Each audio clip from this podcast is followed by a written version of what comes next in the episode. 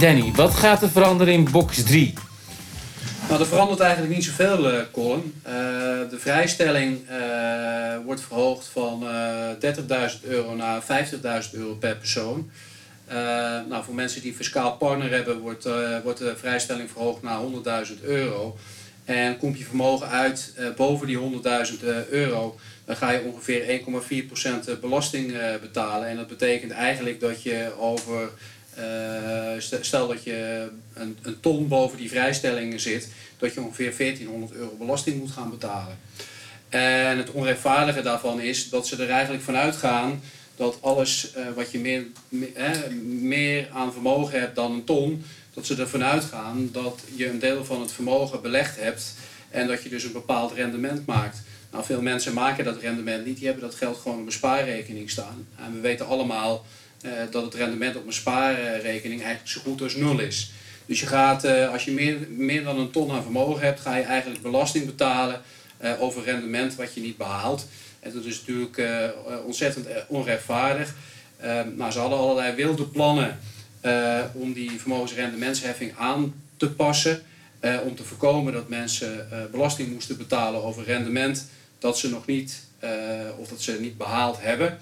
Uh, alleen door uh, corona is dat er niet van uh, gekomen. Dus dat hebben ze een beetje op de lange baan geschoven. Wellicht ook vanwege het feit dat er verkiezingen aankomen.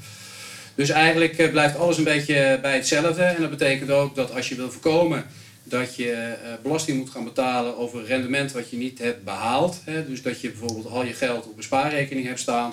Dat het nog steeds interessant is om bijvoorbeeld een spaar-BV op te richten en daar je geld in onder te brengen. Want als je dat op die manier doet, dan betaalt die BV alleen maar belasting over het rendement wat daadwerkelijk is behaald. Nou, heb je het geld op een spaarrekening staan in die BV, dan betaal je dus ook geen belasting. Dus jullie adviseren eigenlijk uh, om zo'n spaar-BV te overwegen? Nou ja, dat adviseren we zeker bij mensen die wat uh, groter vermogen hebben en die een groot deel van het vermogen op een spaarrekening hebben uh, gestald.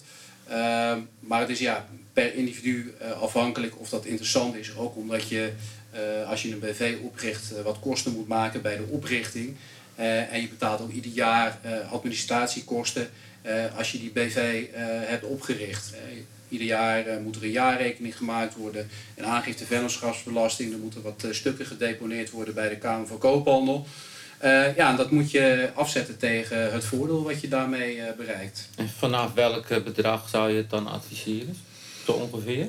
Nou ja, ik gaf net het voorbeeld van die 1400 euro. Ja, als je dat geld in een eh, BV stopt, dan uh, hoef je die 1400 euro belasting niet te betalen als je geen rendement maakt. Nou, dat moet je dan afzetten tegen nou, pakweg 600 euro aan kosten wat je per jaar maakt voor die BV.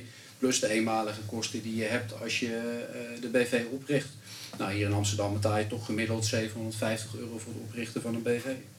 Dus wat, welk bedrag aan uh, spaargeld hebben we het dan over? Nou, ik denk, ik denk dat het pas interessant is uh, vanaf uh, eh, 2,5 tot 3 ton aan spaargeld. Dan is het echt interessant om die BV op te richten. ja, het vervelende is dat dit, dit, dat dit ook een politieke discussie uiteindelijk een keer gaat opleveren. De politiek is nu nog steeds vrij stil als het gaat om die spaar-BV's. Maar er hoeft maar één Kamerlid te zijn die dat een keer ter sprake brengt.